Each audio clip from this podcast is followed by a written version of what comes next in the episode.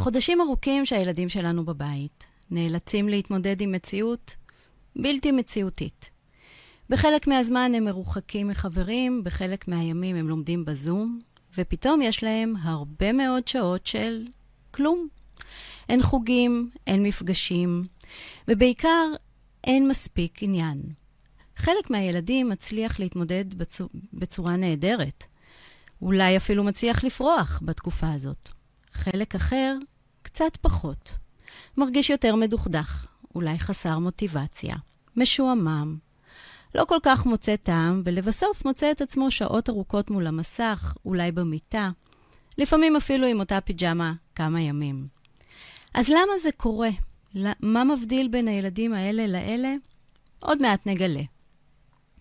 אחד הדברים שנחשפו בצורה מאוד משמעותית בתקופת הקורונה, זה שהעתיד שלנו כבר כאן, שהעולם שחלמנו עבור הילדים שלנו השתנה, ואיתו הצרכים שלהם והמיומנויות שלהם הם זקוקים. במיוחד, במיוחד הצורך שלהם ללמוד לנהל את עצמם. מה זה בעצם ניהול עצמי? זה להיות מסוגל להעביר את עצמי ממצב למצב, לייצר לעצמי סביבה שנעים לי בה, ליצור שינויים כך שיהיה לי מעניין, לסמוך על עצמי שאני אהיה מסוגלת למצוא פתרונות ורעיונות יצירתיים מבלי שאהיה תלויה במישהו אחר. ולמה כל כך חשוב שילד יהיה מסוגל לנהל את עצמו? כי החיים רצופים שינויים ומשברים. מציאות החיים שלנו משתנה באופן קבוע, וכדי להיות מסוגלים לא רק לשרוד, אלא לצמוח, אנחנו נדרשים להתאים את עצמנו לשינויים, לחשוב יצירתית, להגמיש את המחשבה, למצוא פתרונות, קצת להמציא את עצמנו מחדש.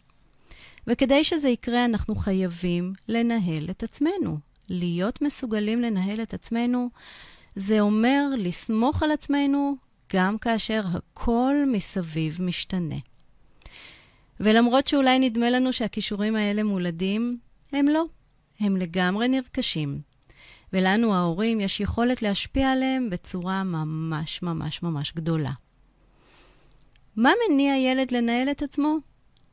כל דבר שמעורר בו סקרנות, רצון לחקירה ולמידה. כל דבר שיש בו עשייה בתחום העניין שלו. כל דבר שמתכתב עם עולם הערכים הפנימי שלו. שהוא מזהה שהוא חשוב בו, תורם, מועיל, שהוא חלק אמיתי ואינטגרלי ממנו. כל דבר שהוא מרגיש שותף פעיל בו, שדעתו נשמעת, שלעצותיו יש מקום, שמזהים ערך ברעיונות שלו. אז היום נתמקד במה אנחנו ההורים יכולים לעשות כדי לעזור לילדים שלנו ללמוד לנהל את עצמנו טוב יותר כבר מגיל ממש ממש צעיר.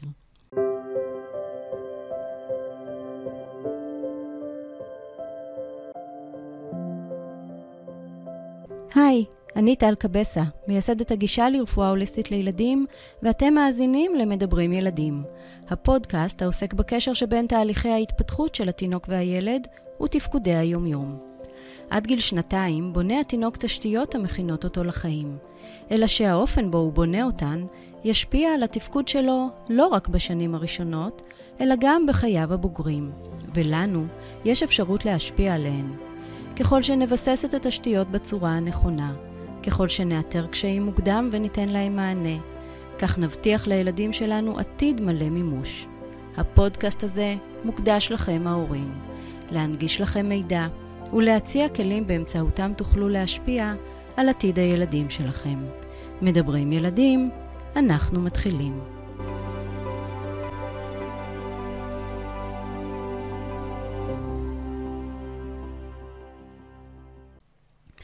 אם אני אשאל אתכם מה הכי חשוב לכם בחינוך הילדים, אני בטוחה שתגידו לי להכין את הילדים לעולם האמיתי.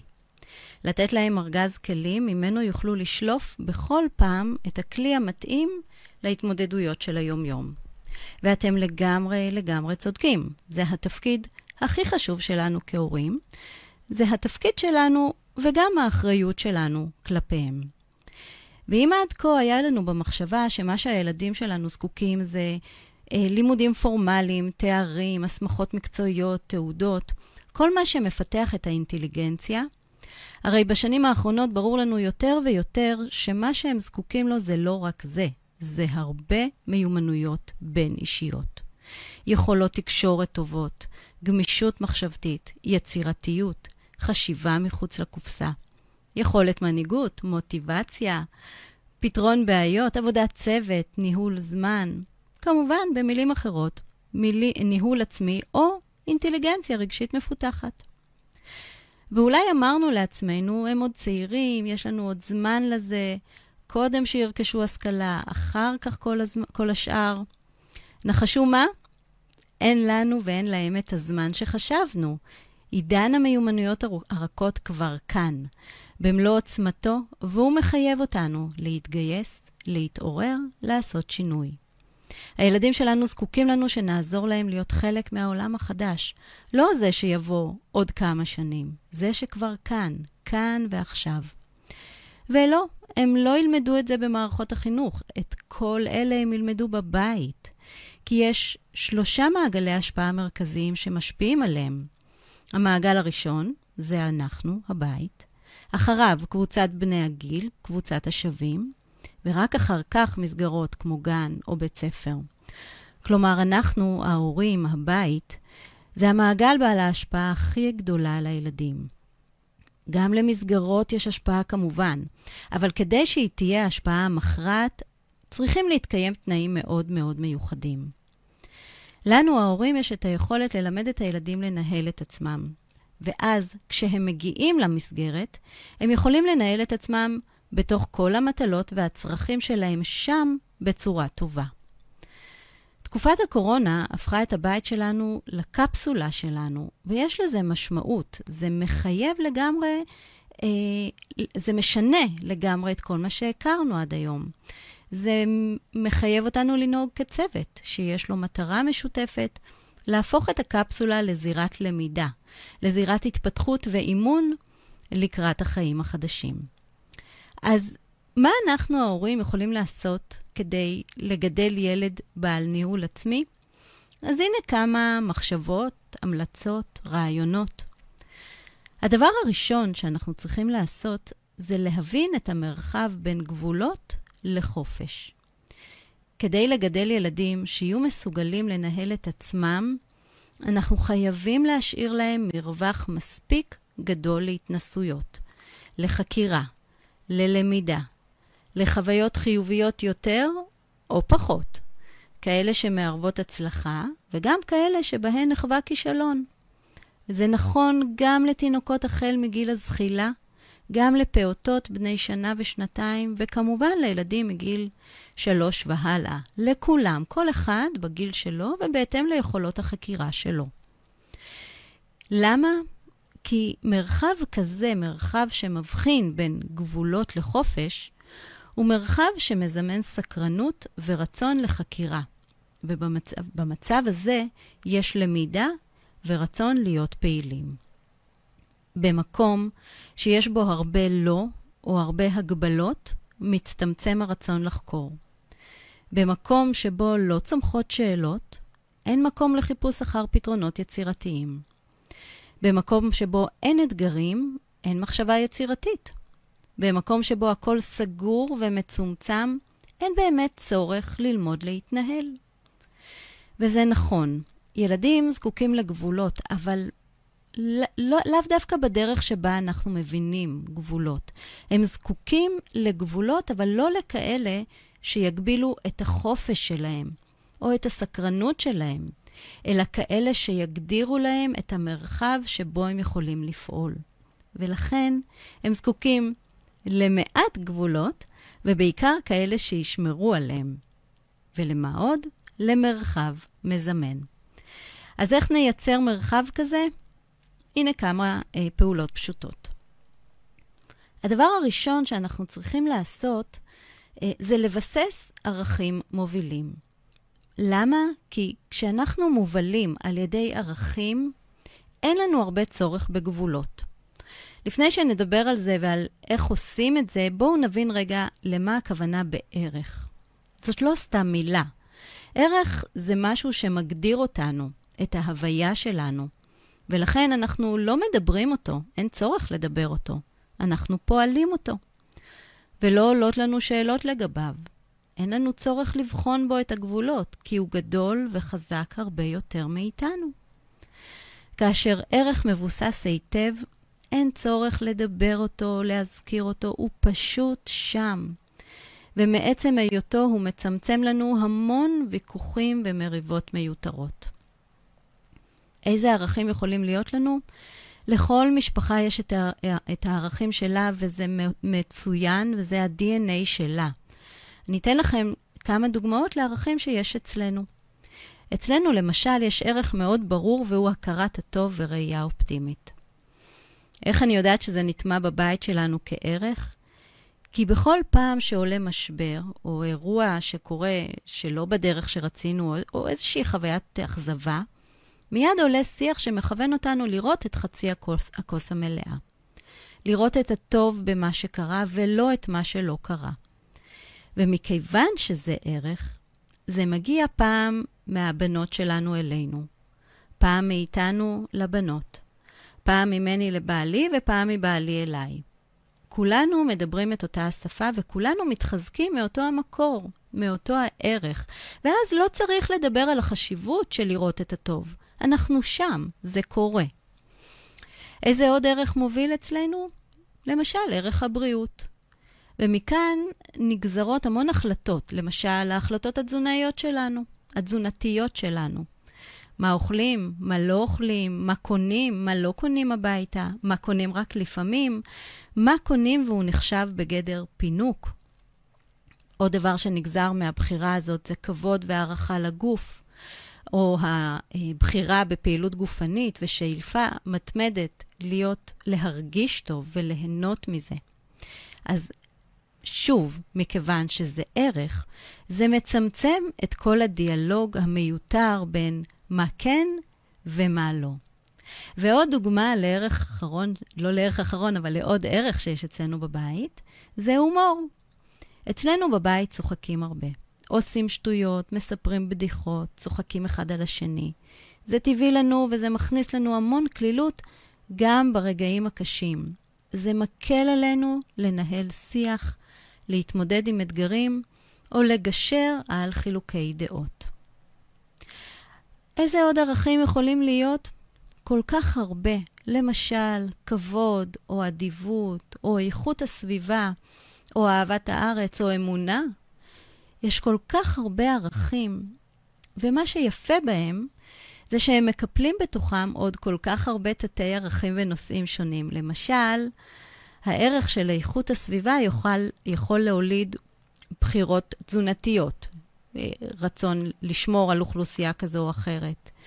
אה, יוזמות ופעילויות מחזור שונות. רק השבוע הייתה פעילות מחזור, אה, ודפקו לנו בדלת עם שקיות וכל מיני אה, עציצים ממוחזרים, ומי שהוביל את כל הקמפיין הזה זה בני נוער. הערך של אהבת הארץ יכול להוליד טיולים רבים בארץ, וסיפורי מורשת, והיכרות עם היסטוריה מקומית, ועוד כל כך הרבה דברים כל כך הרבה תכנים וערכים משותפים שאולי, אולי לא היינו מביאים אותם לשולחן אם הם לא יוגדרו אצלנו כערך. אז איך, בורחים, איך בוחרים ערכים? יושבים ביחד, אנחנו בני הזוג עם הילדים שלנו קטנים, או ביחד עם הילדים כשהם כבר בגיל שאפשר לעשות איתם את השיח הזה. ומדברים, שמים על השולחן את כל מה שחשוב לנו, את כל מה שמעניין אותנו, את כל מה שאנחנו רוצים, כל אחד בתחומי העניין שלו. ומתוך השיח הזה מזהים את הערכים המובילים. ואז, אגב, לא צריך עשרה ערכים, גם ארבעה מספיקים. ואז כשיש לנו ערכים מובילים, אפשר לצמצם את כל ההוראות והכללים, וזה השלב השני ביצירת המרחב המאפשר. כי בואו נחשוב על זה. רוב השיח שלנו עם הילדים מבוסס הוראות או חוקים. אל תקפוץ, בוא להתקלח, אל תאכל על הספה, תסגור את הטלוויזיה.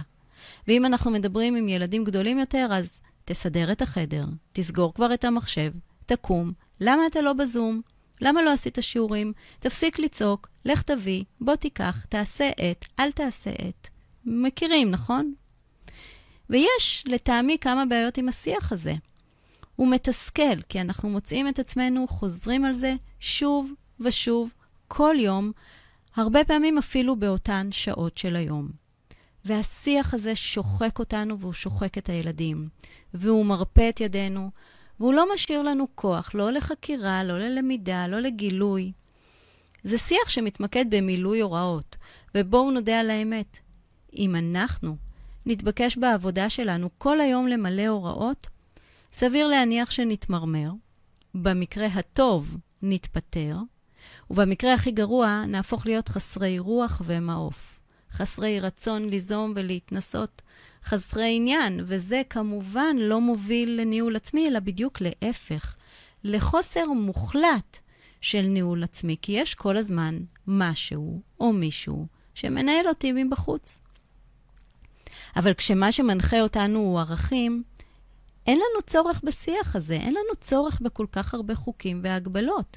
יש הרבה יותר תחומי עניין, יש הרבה יותר חופש ופעילות, יש הרבה יותר עשייה. הדבר השלישי שמגדיר מרחב שמאפשר, הוא שחייבים לנסות להפסיק לגונן על הילדים. זה ברור לכולנו. כולנו רוצים לשמור ולהגן על הילדים שלנו. אנחנו רוצים שדרכם תהיה קלה וטובה, ולכן אנחנו מגוננים, מפנים להם מכשולים, עושים עבורם דברים, הכל, הכל כדי שיהיה להם קל, נוח וטוב, שיהיו מאושרים. רק מה שאנחנו מפספסים הוא שככל שאנחנו עושים את העבודה עבורם, כך הם מאבדים את הרצון לעשות לעצמם.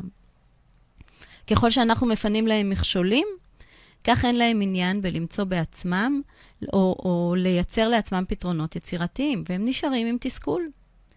וככל שאנחנו מגוננים, כך אנחנו משדרים להם שהם לא מסוגלים, ושאנחנו לא מאמינים ביכולת שלהם לעשות. אז איך מפה אפשר לגדל ילד בעל יכולת לניהול עצמי? הרי הוא מעולם לא התנסה בזה. והדבר שאולי הכי מעציב הוא שככל שאנחנו מנהלים אותם, כך אנחנו מתרחקים מהם ונשאבים שוב לשיח של ההוראות והמטלות. אז מה עושים במקום? זוכרים, ממש ממש זוכרים, לפני כל פעולה מה התפקיד שלנו. והתפקיד שלנו הוא ללמד אותם לפעול באופן כזה שבפעם הבאה הם יוכלו לפתור את הבעיה בעצמם. ותראו איך זה נכון בכל גיל. התינו, הילד שלכם, הפעוט, רוצה לבנות מגדל? אל תבנו עבורו. למדו אותו לבנות בעצמו. למדו אותו את סדר הפעולות, מה הוא צריך לעשות עם הגוף שלו כדי לשים קובייה על קובייה. כך שבפעם הבאה שהוא ירצה לבנות מגדל, הוא יוכל לשחק עם עצמו ולא יזדקק לכם. הילד רוצה להכין פיצה? מצוין. למדו אותו את הדרך, תנו לו הוראות מדויקות ונגישות, כדי שבפעם הבאה שהוא ירצה להכין אותה, הוא יוכל לעשות את זה לבד. הוא לא יהיה תלוי לגמרי בכם. ככל שנלמד אותם את הדרך ולא את הפתרון, נעודד אותם לרצות לעשות לבד. למעשה, נעורר בהם את חיידק היזמות. וככל שהם יתנסו, הם כבר יפתחו דרכים יצירתיות משלהם לשכלל את העניין, והם גם יוכלו ללמד אותנו דרכים שלא חשבנו עליהם. כך גדל ילד בעל יכולת לפתור בעיות, לנהל את עצמו, ילד שמסוגל לראות בשינויים הזדמנויות. והדבר האחרון ביצירת המרחב המאפשר, הוא לנסות ככל האפשר להימנע מלהגיד לא אוטומטית, ולהתמקד באיך כן. לא בטוחים איך הלא יכול להפוך לכן? התייעצו עם הילדים, בקשו מהם רעיונות יצירתיים. אני בטוחה שתופתעו מהרעיונות שיעלו. אז מה עוד אפשר לעשות כדי לגדל ילד בעל יכולת לנהל עצמי, לניהול עצמי? modeling. modeling זו פעולה מעצבת. יצירת מודל, או כמו שאני אוהבת להגיד, דוגמנות. אנחנו, ההורים, מדגמנים לילדים שלנו איך נראה ניהול עצמי. בואו נחשוב על זה רגע. לפני תקופת הקורונה הייתה הפרדה מוחלטת כמעט בין אני ההורה לבין אני האדם העובד. היינו קמים בבוקר, מנהלים את הבית כהורים, השכמות, התארגנויות, אוכל, הסעות. הרוב בדרך כלל נעשה בהוראות. ואז יוצאים לעבודה. שם אנחנו מתנהגים כעובדים או כמנהלים. אנחנו מנהלים פגישות ומנהלים משברים וממלאים מטלות, מייצרים קשרי חברה, פותרים בעיות, מתייעצים, עובדים בעבודת צוות, יוזמים, מייצרים מהלכים יצירתיים. ואז שוב חוזרים הבית. ומה בבית? מתפעלים, נותנים הוראות, חוזרים להתנהלות ש- שאנחנו מכירים מהבית. וכבר דיברנו על כמה ההתנהלות הזאת לעתים עלולה להיות שוחקת ומעייפת. העניין הוא שהילדים שלנו בכלל לא מכירים אותנו בתפקיד האחר שלנו. אין להם מושג איך אנחנו מתנהגים בעבודה. יש להם מושג איך אנחנו מנהלים אותם, אבל לא איך אנחנו מנהלים את עצמנו. והנה קרתה לנו הקורונה, ופתאום סביבת העבודה נכנסה הביתה. והנה אנחנו מדגמנים לילדים שלנו איך אנחנו מנהלים את עצמנו. איך אנחנו מנהלים סדר יום. איך אנחנו מנהלים את הזמן בין מטלות העבודה למטלות הבית. איך אנחנו מנהלים משברים או מנהלים פגישת עבודה בזום או בטלפון. וזו הזדמנות נפלאה, נפלאה ללמד אותם בלמידה ממש ממש אגבית איך אנחנו מתנהלים. ויש לזה גם זוויות מעניינות נוספות. יש להם הזדמנות פז לראות אותנו כפי שמעולם לא ראו, להכיר אותנו כפי שהם מעולם לא הכירו אותנו, להכיר את האדם מאחורי ההורה. ועוד דבר שזה מאפשר לנו, זה שכמו שהם רואים אותנו, כך גם אנחנו פתאום רואים אותם. ואנחנו רואים עם מי הם מדברים יותר או פחות, כמה קשרי חברות יש להם, איך הם מתמודדים עם רגעי משבר או רגעים שיש בהם חוסר ודאות, איך הם מתמודדים עם שינויים. כי כאשר הם בגן או בבית ספר, אנחנו לא באמת באמת יודעים כמה חברים יש להם, עם מי הם בהפסקה, איך הם עוברים את היום, כמה הם צוחקים. נכון, אנחנו מקבלים דיווח, אבל אנחנו לא באמת רואים אותם. אז לצד זה שאנחנו עושים להם modeling, אנחנו גם זוכים להכיר אותם מזוויות נוספות. ותמיד, תמיד, תמיד יש פער בין התפקידים שאנחנו ממלאים בחיינו בסביבות השונות. אז עכשיו הזדמנה לנו הזדמנות לצמצם את הפערים ולהכיר בעצמנו ובילדים שלנו יותר צדדים. ואיך זה קשור לזה שאנחנו רוצים ללמד אותם לנהל את עצמם? כי דרך ההיכרות הזאת אנחנו מתוודעים מחדש לכוחות שלהם, ליכולות שלהם, לחוזקות שלהם. וההכרה שלנו בהם תעודד אותם להשתמש בזה יותר ויותר ויותר, גם בזירות אחרות בחיים. איך אפשר לעשות את זה אה, לממש ממש ממש מעשי? תראו, אחד, אחד הדברים הראשונים שצריכים לעשות זה לזהות. אז בואו נחליט, או בואו, או, או אני מזמינה אתכם, בימים הקרובים, להקדיש את הזמן להתבוננות בילדים.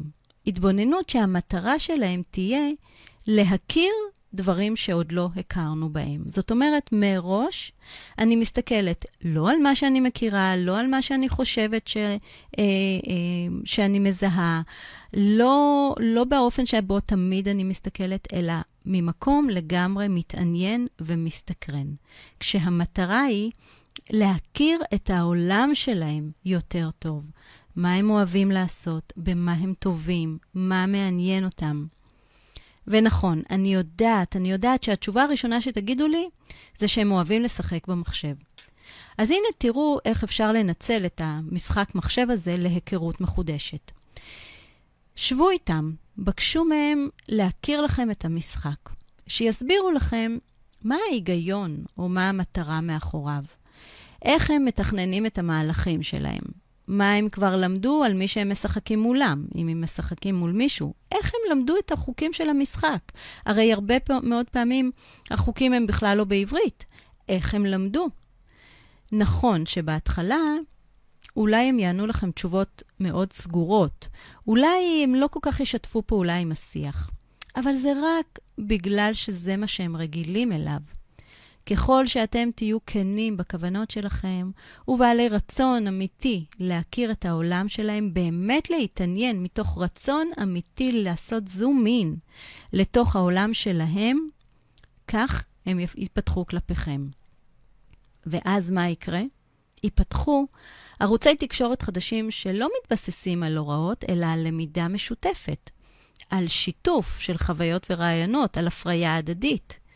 שיח של שיתוף והתייעצויות שמשאיר את, הס, את התדר הזה של הסקרנות והלמידה מאוד מאוד גבוהים. ואולי אפילו תזדמן למידה משותפת. אולי נשתתף במשחק. אולי ניקח חלק מהמיומנויות שלהם לחיים שלנו ונשתף אותם במה שלמדנו. כמובן שכדי שזה יקרה, צריך לפנות את הזמן ולהתמלא ברצון ובסקרנות אמיתיים, כי אי אפשר באמת להתעניין ולשאול שאלות כדי ללמוד, תוך כדי זה שאנחנו מביטים בנייד, או לקבל שיחה אה, תוך כדי. כשיש סקרנות אמיתית, יש רעב לעוד למידה והתנסויות. כך אנחנו הופכים להיות יותר פעילים ויותר מעורבים בחייהם. כך הם הופכים ליותר פעילים ומעורבים בחיים שלנו, וכך כל ההתנהלות שלנו, הכללית, משנה כיוון. לא עוד תקום, תלך, תביא, אלא מה אתה מביא לשולחן, מה אני מביאה לשולחן. אז אלה, אה, אלה שתי זוויות מאוד חשובות כדי לעזור לילדים שלנו לנהל את עצמם. האחד זה יצירת המרחב המאפשר, והשני זה באמת שימוש נכון במודלינג. ויש לי עוד כמה רעיונות נחמדים עבורכם, שאפשר אה, אה, להשתמש בהם בצורה כזו או אחרת במהלך היומיום ולעודד את השיתוף ואת הניהול העצמי. למשל, אם אנחנו חוזרים רגע לזה שהילדים שלנו כל היום במסך, בואו ככה ב- בסוד, מבלי שאף אחד שומע, נזכיר גם לעצמנו שגם אנחנו כל היום במסך. נכון, חלק גדול מהזמן אנחנו אה, עובדים דרך המסך, אבל חלק גדול מהזמן גם לא. אנחנו משוטטים, אנחנו מסתכלים, מתעניינים, מתעדכנים, מנקים את הראש, אבל אם נסכום את הזמן, את הכמות של הזמן שאנחנו מבלים מול המסך, זה בטח מתחרה מאוד יפה בזמן שהם מבלים במסך. אז הנה דוגמה לאיך אפשר לרתום את זמן המסך למשהו מאוד מאוד אפקטיבי ואקטיבי לניהול. אפשר אה, ליצור תוכנית דוקומנטרית משפחתית. תוכנית שמתעדת את המשפחה שלנו בימי הקורונה. ובתוכנית הזאת כל אחד יכול לצלם בני משפחה אחרים בכל מיני פעולות באופן ספונטני לחלוטין. לא צריך להתאפר ולא צריך להתכונן. אפשר לצלם תוך כדי זה שהם, שמדברים אחד עם השני, ואפשר לצלם גם מבלי ששמים לב. וכך אנחנו עסוקים, לפחות בחלק מהזמן, בתיעוד של זיכרונות ורגעים מאוד מיוחדים מהתקופה. ואפשר לשלב ראיונות משפחתיים. כאלה שיכולים להיות מאוד מאוד ספונטניים, ואם הילדים לא יודעים לעשות את זה, תיזמו אתם. למשל, את השיחה שעשינו על משחק הוידאו, אה, משחק, משחק המסך, אפשר לעשות בצורת ראיון. ואפשר גם להתכונן לראיון, להכין אותו מש, מראש, ולשבת, לקבוע זמן, ולשבת ולעשות את השיחה. ובתהליך הזה של הכנת הראיון אפשר ממש להתכונן על שאלות חשובות ומעניינות על העבר, על החיים, על משברים, על חוויות. ואנחנו, ההורים, יכולים לראיין את הילדים, והילדים יכולים לראיין אותנו, והאחים יכולים לראיין אחד את השני, וכל אחד יכול לעשות מה שבא לו סביב החוויה המשפחתית המיוחדת הזאת. כמובן ש... חשוב להתאים את המטלה הזו, את המשימה הזאת, לגיל של הילדים. איפה החוקים בתוך המשימה הזאת? חוקים כמו למשל, שלא מצלמים ברגעים פרטיים, לא, מצ... לא מצלמים בחדרים ללא רשות, או כל מיני דברים שאתם רוצים שיגבילו את החדירה לפרטיות. אז מה יש במשימה הכל כך מקסימה הזאת שמעודדת ניהול עצמי ויוזמה? קודם כל, יש בה הרבה עניין, ויש בה הרבה שיתופיות. זה דבר ראשון. יש בה תכנון וסקרנות ועבודת צוות והמון המון הומור, והיא מזמנת לנו ממש היכרות ממקום חדש. היא מעוררת בנו מוטיבציה לעשות עוד ועוד ועוד, ולגלגל רעיונות נוספים, וזה ממש פרויקט משפחתי מקסים, שלכל אחד יש מה לומר ודרך להשאיר בו חותם. ומה עושים אחר כך? עורכים, עורכים את כל הסרטונים לסרט אחד, למצגת אחת, למה שבא לכם. ותראו איך רתמנו את המסך, לפחות בחלק מהזמן, למשהו שמכניס הרבה מאוד עניין חדש בתוך הבית שלנו. עוד רעיון הוא לרתום דווקא את קבוצת הוואטסאפ המשפחתית. ואני בטוחה שיש לכם קבוצת וואטסאפ, אני מציעה לכם לשנות את השם שלה למשהו קצת יותר אה, הומוריסטי. לנו יש במשפחה דמות שבעלי יצר אותה, שקוראים לה משה חמושה. אז הקבוצת וואטסאפ המשפחתית שלנו נקראת משפחת חמושה. ומה המטרה של, המ... של הקבוצה הזאת? בדרך כלל, המטרה שלה היא לייצר, להתעדכן, לשאול, איפה אתה, מתי אתה בא, תביא, אה, אה, הכנת שיעורים, התעוררת, כל מיני דברים כאלה. זה בסדר, זה בסדר להשאיר את הקבוצה הזאת ככה, אבל בואו ננסה להפוך אותה לבמה קצת אחרת. לבמה לשיתופים, לבמה להומור. למשל, אתם נוסעים לעבודה, שימו לב, תהיו ערניים למה שקורה בדרך, צלמו משהו ושתפו. ספרו סיפור שקרה לכם בעבודה. אה, תעלו בדיחה, תעלו שיר שמזכיר לכם משהו. היוזמה לעשות והמוטיבציה הם חלק משמעותי מהרצון לנהל את עצמי, כי זה בעצם מעורר בי רצון לעשות משהו מעצמי. אל, תס... אל תגידו לילדים, שתפו. תעשו אתם, תעשו modeling, הילדים כבר ייזמו אחריכם. אפשר למשל לקבוע שכל שבוע מישהו אחד מבני הבית קובע נושא שיתופי לקבוצה, ואז במהלך השבוע משתפים כל מיני דברים שקשורים בזה. אה, למשל, אפשר לקבוע שהנושא השבועי הוא אוכל, או סוג מסוים באוכל, או כלבים, או סתם צבע צהוב. ופתאום תגלו כמה דברים צהובים ו- ומסקרנים ומרעננים יש בדרך שלכם. והרעיון האחרון שלי להיום הוא רעיון ממש ממש מקסים. הוא שאוב קצת מהחינוך הדמוקרטי וגם קצת מהעולם העסקי, ואנחנו מדברים על הקמה של ועדת היגוי משפחתית. ועדה שמורכבת מכל בני המשפחה, ותפקידה לקבוע מטרות או יעדים או, או לנהל איזשהו פרויקט משותף בבית. כשההנחה היא שרוב הפרויקטים שלהם, שלנו, אמורים להיות משותפים. כמו למשל, אה, לאן נוסעים לטייל השבוע, או למשל, איך אה, אה, אה, מפנים את הזמן, או איך עושים סידור ארונות אה, ש, אה, של כולן ביום, ביום שבת או בסוף השבוע. חלקו תפקידים בתוך הוועדה, מי אחראי על מה, העלו פתרונות יצירתיים לקשיים שעולים. תהפכו את המפגש הזה למפגש שממנו יוצרים, יוצאים עם תוכנית עבודה לתוך הפרויקט. אפשר למשל לקבוע שוועדת ההיגוי מתכנסת אחת לשבוע, וכל אחד מבני הבית רשאי לזמן את הכינוס שלה. כל מי שיש לו בעיה, או כל מי שמתמודד עם דילמה, או כל מי שרוצה להעלות בקשה, מוזמן ורשאי לזמן את הוועדה. אה, וכל המשפחה, זה כלל מאוד מאוד חשוב, כל המשפחה עושה את מירב המאמצים להתכנס. ואם לילד שלכם או לכם יש איזשהו, איזושהי אה, בקשה או, או אה, שאלה להעלות לוועדה, תתכוננו אליה. תלמדו גם את הילדים להתכונן אליה, להסביר, לפרט, למצוא פתרונות, להוכיח לנו ש, אה, שזה אפשרי, בכל מיני דרכים יצירתיות. כלל מפתח נוסף בוועדת ההיגוי הזאת, היא שכולנו שואפים למצוא בכנות את הדרך איך לאפשר ולא איך להתנגד. זאת אומרת, אם הילד מעלה בקשה או צורך, גם אם זה באינסטינקט שלנו, פוגש אותנו במקום שקשה לנו, ננשום לרגע, נזכור שאנחנו במקום חדש, ונס, וננסה לעשות מאמצים כנים לחשוב על איך אפשר. מה מתאפשר במקום? באיזה אופן? וכמובן, זה המקום של הילד להכין את עצמו לתוך הפגישה הזאת, ותתפלאו.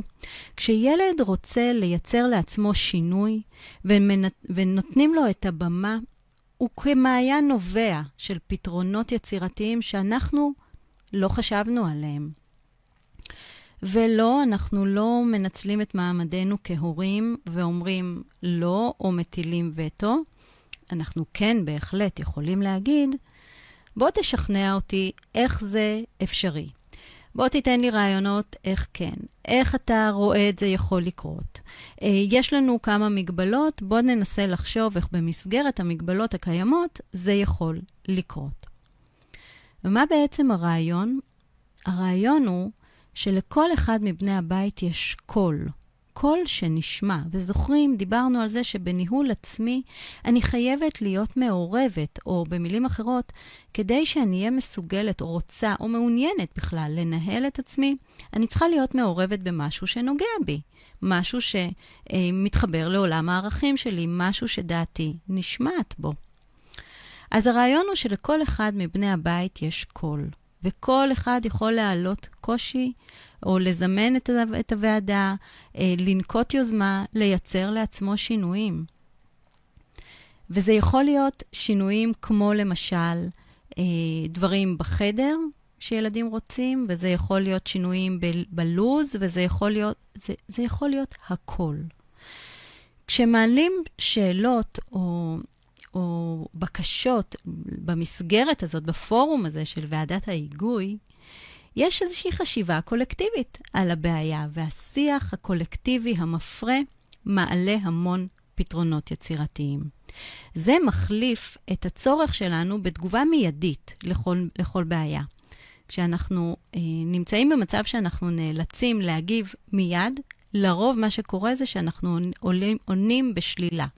או מעלים התנגדויות, או אפילו לא מספיק פנויים כדי להקשיב. ואז במקום אה, לשאול שאלות ולהתעניין או להציע פתרונות, זה נגמר ב- למה? כי ככה אמרתי. אז בואו ננסה לסגל משהו אחר. איזשהו מתווה שאומר שבעיות או, או בקשות מעלים בוועדת ההיגוי, ולא, זור, ולא זורקים אותם ככה במהלך השבוע, והם מתכוננים אליהם, ופתאום תגלו איך הילדים לומדים לנהל את עצמם, גם מבחינת הזמנים, גם מבחינת הנימוקים, איך הם מתכוננים לפגישה, איזה דיון מרתק אפשר לייצר, וכמה פתרונות יצירתיים עולים. ואם בכל זאת בחרתם להגיד לא, זה ממש בסדר, זה חלק מתפקידכם כהורים. רק בדקו שזה מתיישב עם ההיגיון ומגובה בהסברים הגיוניים, לא לשלוף מהמותן. אז הסוד הוא בלעורר מעורבות, סקרנות, חדוות יצירה ועשייה. תקופת הקורונה תעבור מתישהו. השינויים שהיא הביאה הם כאן, כאן להישאר. ולנו יש את האפשרות להפוך את הזמן הזה לבעל השפעה משמעותית על חיינו. זהו להיום. אני מקווה שנהניתם וקיבלתם ערך. אתם מוזמנים להמשיך ולהקשיב ולמצוא אותי בקהילה הלומדת שלנו, הורים לומדים בפייסבוק, לשאול, להתייעץ, ללמוד, לחקור, וכמובן לקבל הרבה כלים והדרכות להתראות.